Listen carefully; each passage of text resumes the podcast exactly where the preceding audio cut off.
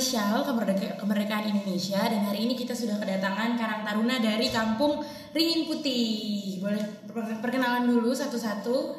Mas. Perkenalkan nama saya Bunggi Haryadi dan saya Ketua Karang Taruna Taruna Dusun Ringin Putih. Ada Ketua Karang Taruna Mas Punggi. Monggo. Eh, selanjutnya saya Akbar Heri Mukti, saya sekretaris dari Karang Taruna Dusun Ringin Putih. Oke, lanjut Mas. Ya, eh, saya Restu Yudi Prastio. Eh, di sini saya sebagai anggota dari Karang Taruna Dusun Ringin Putih. Oke, berarti lengkap semua ya dari ketua, sekretaris, anggota hari ini kita kedatangan semua. Jadi teman-teman yang spesial dari eh, Kampung Ringin Putih itu adalah mereka akan eh, melaksanakan kegiatan 17-an tapi dari rumah gitu ya Mas. Iya betul. Dari Betul, dari rumah. Ini istimewa banget karena walaupun kita di tengah-tengah pandemi tapi teman-teman masih eh, kreatif dan berinovasi untuk melakukan 17-an dari rumah. Boleh nggak sih Mas eh, diceritain kok bisa punya ide eh, tercetuslah eh, ide untuk membuat eh, 17-an dari rumah ini? Hmm, awalnya ya Pak ya. Hmm.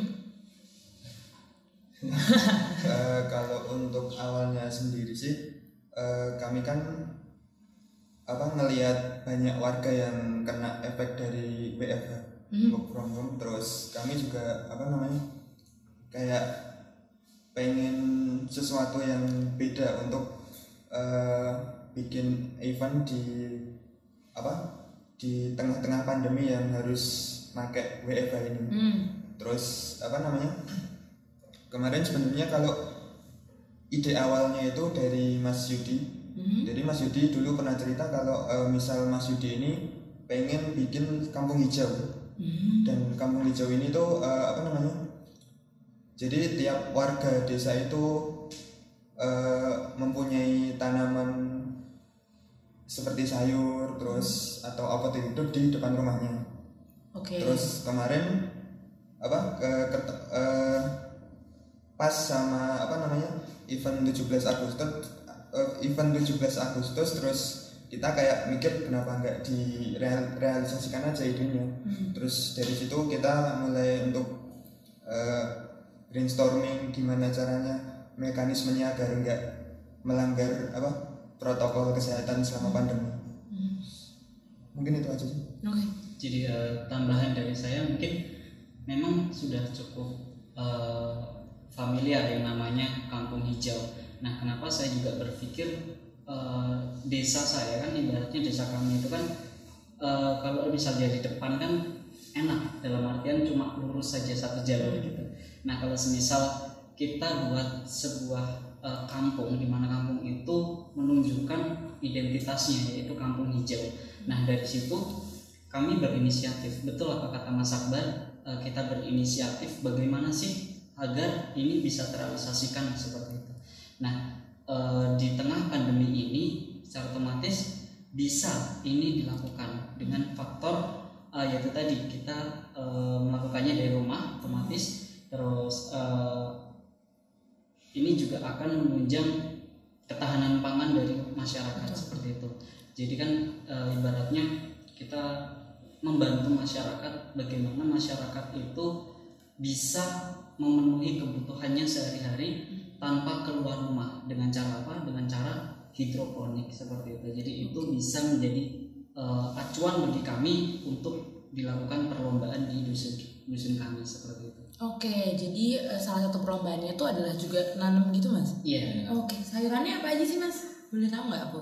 Jadi untuk eh, sayurannya kemarin masih dua item sayuran. Yang pertama adalah kangkung, terus yang kedua sawi. Oke, iya penting juga sih kan kita harus makan sayur ya Iya. pas pandemi ini biar sehat. Oke, Mas, terus eh, mekanismenya gimana sih Eh, dan rangkaian acaranya apa aja nih dari 17-an ini?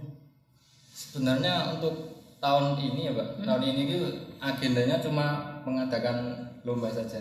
Kalau untuk tahun-tahun sebelumnya kan ada seperti tirakatan, terus Oh, iya. ada jalan sehat kayak gitu. Tapi yang kalau untuk tahun ini kita meminimalisir untuk bertemu gitu, untuk menghindari ketemu dulu kan. Makanya kita ngadain lomba yang bisa dilakuin tanpa ketemu, yang bisa dilakuin dari rumah. Nah itu untuk lombanya, untuk anak-anak itu ada yang mewarnai, Hmm. Menggambar, terus ada juga yang pidato. Wah, terus ada juga lomba TikTok gitu kan. Wah serius, Iya. seru banget. sekarang trennya lagi bikin-bikin TikTok gitu kan. makanya kenapa nggak dimanfaatin sekalian gitu kan? Diadain. Terus biasanya kan untuk bapak-bapak ibu-ibu juga ada lombanya. Nah ini kan kalau masa cuma anak-anak doang kan kayak gimana gitu kan? Makanya yang bapak-bapak ibu-ibunya tetap diadain tapi dijadiin satu gitu aja jadi lomba per keluarga gitu. Makanya diadain lomba menanam yang hidroponik tadi itu ya? Iya. oke. Terus itu gimana tuh mas? Jadi kan mereka akan misalnya taruhlah eh, mewarnai dari rumah Iya. habis itu ngejuriinnya gimana tuh mas? Hmm, ya. Kalau yang itu kan ada dua mbak, yang mewarnai saja itu untuk S, untuk yang TK sampai SD kelas 3 Hmm. itu gambarnya yang nyediain kami dari Karang Taruna. Itu ngambilnya pas hari H perlombaan, Oke. ngambilnya pas hari H perlombaan mereka ngambil, terus mereka ngerjainnya di rumah. oh jadi balik ke rumah langsung Iya, dari rumah langsung terus itu waktunya setengah hari mbak, Hmm. setengah hari. Nanti malam atau sore dikumpulin untuk penjuriannya dari pihak Karang Taruna juga, tapi orangnya ya mengerti seni gitu Hmm, ya. yang nyeni-nyeni gitu lah ya Nggak cuma yang asal-asalan. oke gitu dan ini acaranya dimulai tanggal Kalau yang untuk lomba anak-anak dimulainya tanggal 16. mm, 16 Kalau yang lomba menanam tadi udah dimulai dari tanggal 20 sebelum Agustus awal. Ju- Juli Juli Juli ya. 20 Juli. 20 Juli terus penjuriannya nanti tanggal Penjuriannya bertahap gitu, Pak. oke gimana tuh mas Jadi kan dimulai dari tanggal 20 Juli. Hmm. Terus untuk penilaiannya itu dilakukan bertahap selama tiga kali, tiga kali penjurian. Nah itu setiap 10 hari, 10 hari sekali oke dari perlombaan dimulai. Oke, dicek mana yang paling tinggi gitu kan mas? Ya, nah, paling untuk lomba hidroponik itu penilaiannya ada dua, Mbak. Itu dari tanaman sama dari kreativitas. Oh, Ya, gimana? jadi kalau dari tanaman kan ya dari apa? pertumbuhan tanamannya terus apa? Besar atau kecilnya tanamannya itu. Kalau yang kreativitas ya dari kan itu hidroponik ya, Mbak. Hidroponik kan medianya air dan menggunakan barang-barang bekas. Nah, kita menganjurkan pakai barang-barang bekas. Nah, untuk kreativitasnya yang dinilai dari pemakaian barang bekasnya Oke. ya dari mereka apa inisiatif mereka inovatif mereka dalam memanfaatkan barang bekas mereka Kan kalau setauku yang biasanya aku lihat tuh cuma dari botol air mineral ya. Hmm, biasanya. iya. Kalau sam- kalau di kampung Ringin Putih udah ada yang pakai apa aja tuh mas? di kampung Ringan Putih ada banyak mbak tempat saya itu pakai besek Biasanya tuh apa tuh mas? besek tuh apa ya Oh, bahasa tempat gudeg itu ya? ah ya isi berkat Oh iya iya. iya. besek tuh mbak iya itu pakai besek dil- dilapisin plastik biar airnya enggak Oh, nggak rembes ya? Iya, nggak rembes. terus ditutup lagi pakai tutupnya besek itu Oke. dibalik lagi Mm-mm. Nah itu pakai itu terus ada juga dari warga yang pakai plastik minyak. Plastik minyak. Iya, oh plastik iya, minyak. agak tebel ya itu ya. Iya, tebel. oh iya.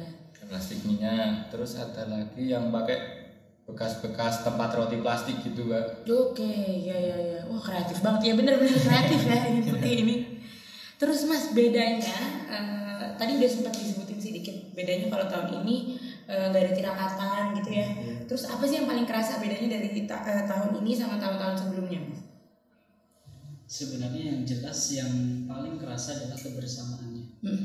tapi tidak memungkinkan kita tetap eh, bersama dalam artian seperti ini Eh, mungkin kalau dari dulu-dulu tahun-tahun yang lalu kan kita eh, setiap tanggal 16 hari eh, setiap tanggal 16 malamnya kita mengadakan kumpul bersama yang namanya tirakatan.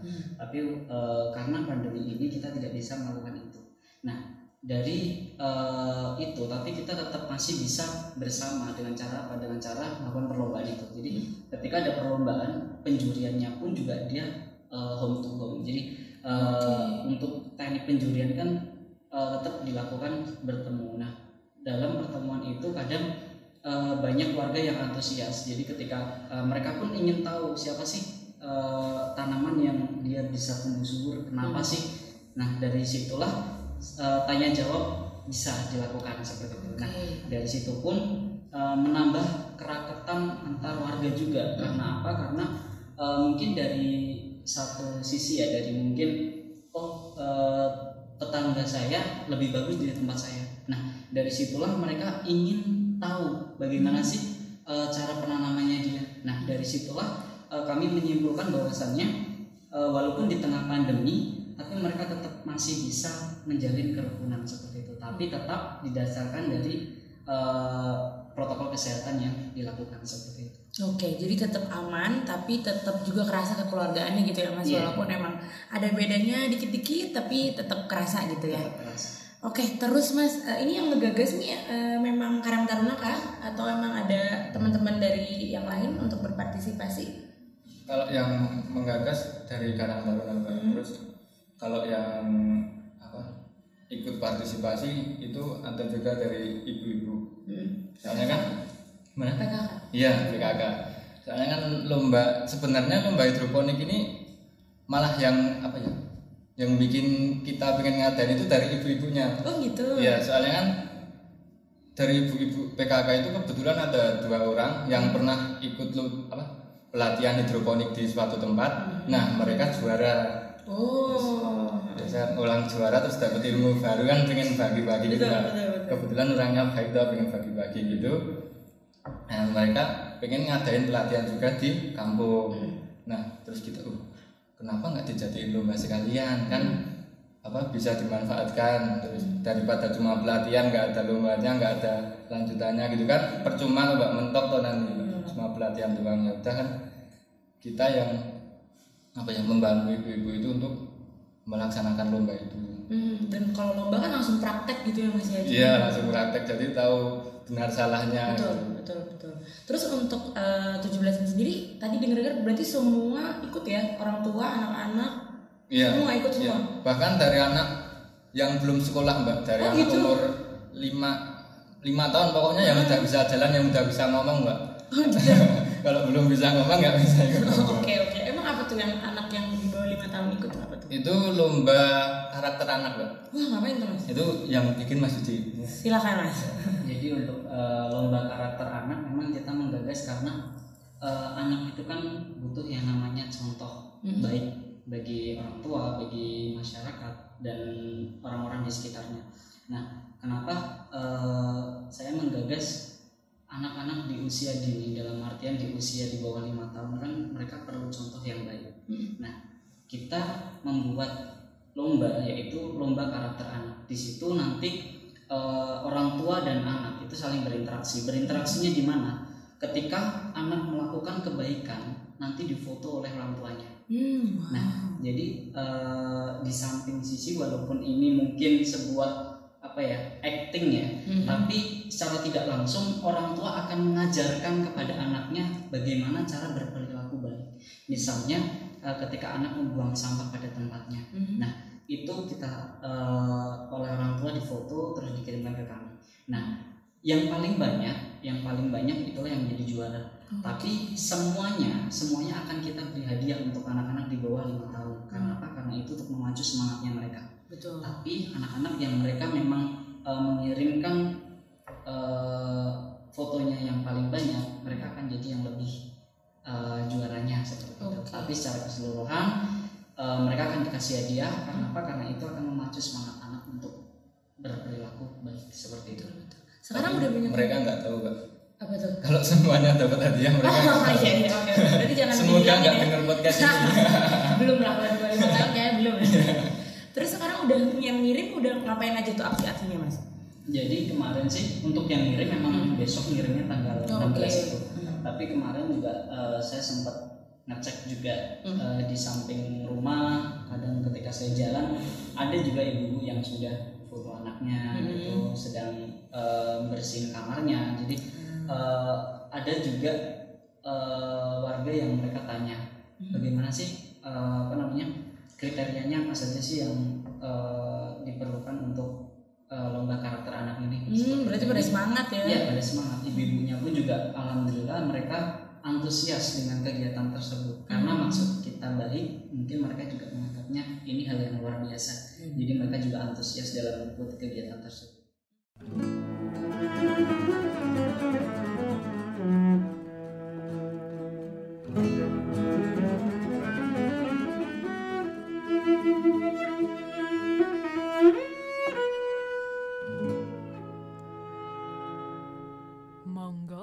dilanjutaken nggih. Oke.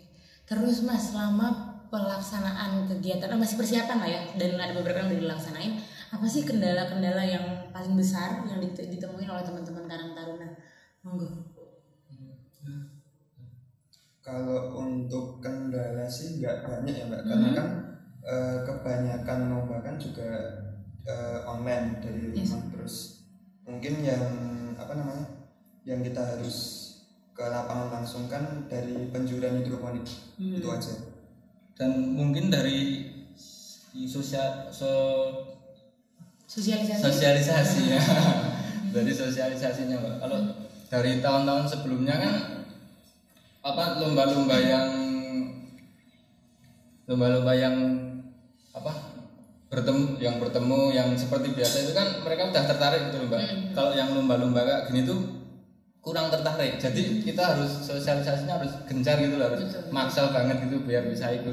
Kalau nggak digituin ya nggak ikut lomba juga nggak nggak apa-apa gitu. Kan yang anak-anak kalau yang ibu-ibu itu malah malah semangat ya? malah semangat. Kalau orang tuanya yang anak-anaknya itu harus gencar banget sosialisasinya. Nah ngomongin tentang sosialisasi mas, kalau yang TikTok itu sendiri gimana tuh? Teman-temannya? Apakah langsung pada eh, antusias banget? Apa gimana tuh? Kalau TikTok ya pak sebenarnya dari apa anggota Kerang Taruna sendiri kemarin ya sempat ada penolakan. Kenapa tuh? soalnya kan ya TikTok kan seperti yang kita ketahui di mata kita semua kan apa Stigmanya. eh, stig- stigmanya negatif kan mbak ya isinya cuma joget-joget ya apa nggak ada nilai-nilai positifnya lah. Lah terus saya masa apa namanya ada sebuah aplikasi ada sebuah aplikasi yang bisa dimanfaatkan kok nggak kita manfaatkan gitu. Betul. terus saya kan ini dari saya idenya Oh, oke. Saya- Ini- idenya dari ya. saya Hmm. nyeleneh terus saya bilang ya kita bikin apa lomba TikTok tapi untuk mengarahkan anak-anak itu ke hal yang benar gitu untuk mengarahkan ke mereka kalau aplikasi TikTok ini nggak hanya untuk joget-joget untuk yang nggak jelas nggak jelas gitu. Kita mengarahkan anak-anak untuk TikTok ini bisa loh dibikin bagus gitu dibikin yang menarik gitu dibikin yang positif terus makanya kita adain TikTok dengan beberapa ket- ketentuan penilaian gitu. Jadi penilaiannya itu dilarang joget. Dan Oh, biasanya oke. kan Joget. kalau anak-anak eh, kemarin kan tak bilangin ke anak-anak itu loh pak lombanya lomba apa mas TikTok gitu. wah senang aku ikut aku ikut terus tapi nggak belum joget wah langsung wah gitu langsung sedih ya udah nggak jadi ikut gitu Terus gak boleh joget jadinya apa itu mas? paling yang dubbing dubbing itu mbak ngomong-ngomong gitu terus iya. acting apa gitu yang penting selain joget itu mbak mm, mm, mm. Dan itu yang boleh ikutan siapa aja mas? itu yang boleh ikutan dari anak da- dari SD sampai SD kelas 5 sampai SMA Dan itu banyak dong yang ikut. belum mbak mulainya baru Oh oke oke oke. Ya, aku doakan semoga banyak lah. Banyak lah seru orang-orang pada di TikTok banyak banget. Dan sebenarnya aku juga lihat eh, emang gak cuma joget-joget doang nggak sih TikTok banyak yang kadang kalau pandemi harusnya ngapain gitu. Nomor Nah, satu iya. apa nomor dua apa gitu kan ya Iya. mas. Heeh, heeh. ya, Ya, memang itu. kita eh, tujuannya ke pendidikan juga dalam Mhm. artian nanti TikToknya pun juga yang bertemakan 17-an Oke. Itu. jadi tetap mendukung kegiatan kita Hmm. tetap positif bagi anak seperti itu Yes. Tadi Mas Yudi belum aku tanya ini eh, kendalanya apa Mas yang ditemuin selama eh, pelaksanaan atau persiapan acara ini? kalau dari kami sih sebenarnya untuk kendalanya tidak terlalu banyak sih Mhm. memang semuanya serba fleksibel karena kita juga eh, di tengah pandemi otomatis Betul. kan eh, perlu persiapan yang matang dalam segi kesehatan. Hmm. Tapi kalau untuk selama ini eh, kendalanya saya kira kurang minim Hmm. dalam artian eh, tidak terlalu banyak kendala dalam hal persiapan. Kalau dari hal waktu perlombaannya pun misal kemarin eh, perlombaan ibu-ibu hidroponik ya. Hmm. Jadi eh, mereka pun juga saya kira mematuhi aturan juga, Mhm. terus eh, antusiasnya juga luar biasa. Jadi menurut saya kendala minimalisir seperti Oke, itu. oke. Berarti eh, selama kegiatan berlangsung juga eh, jaga jarak tetap, protokol kesehatan pakai masker dan segala macam tetap dilaksanain ya ya mas ya tetap dilaksanakan dan ini pun sebenarnya ada satu perlombaan lagi yang Mhm. akan kita lakukan yaitu adalah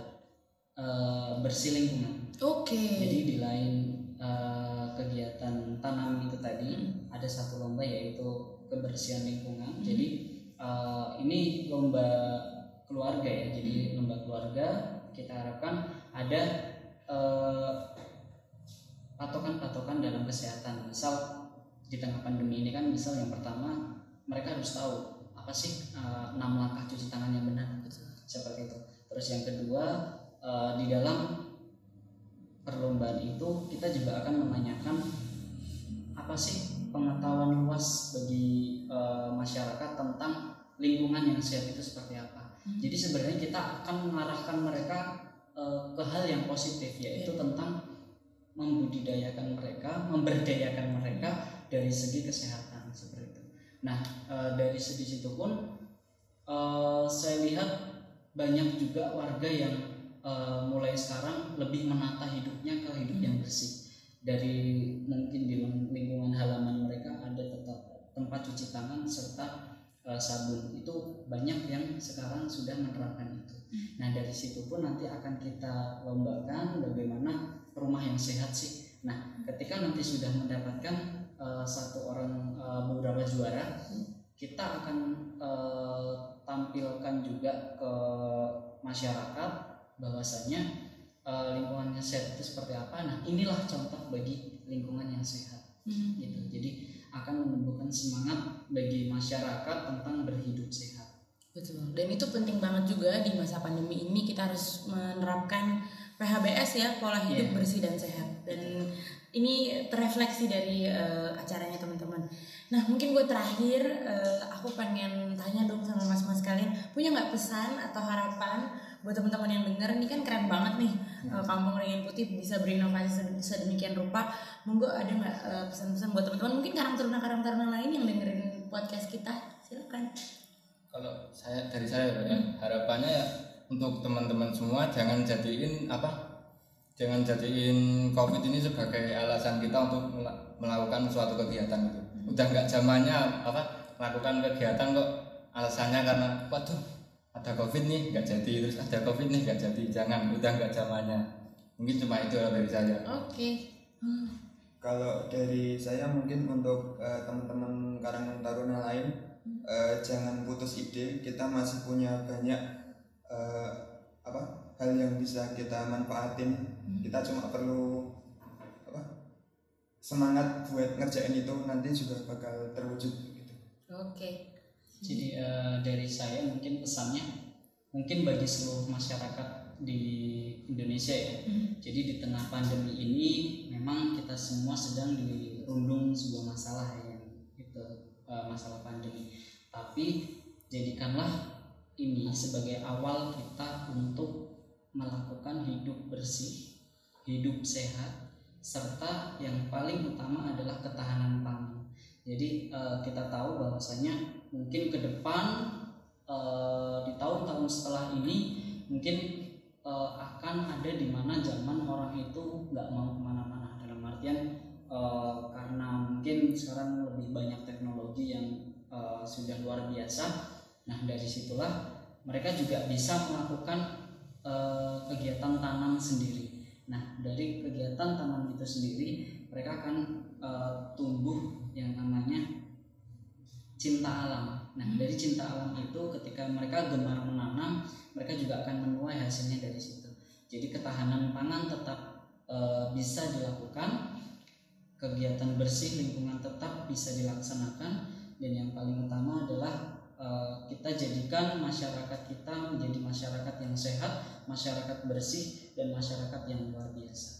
Oke, terima kasih banyak semuanya pesan-pesan yang luar biasa banget teman-teman. Pokoknya jangan lupa untuk terus berinovasi, kreatif, jangan malah nggak ngapa-ngapain di pandemi ini, bahkan malah bisa ngelakuin banyak hal yang bisa eh, buat lingkungan kita makin oke lagi dan buat diri kita masing-masing juga semakin eh, bermanfaat.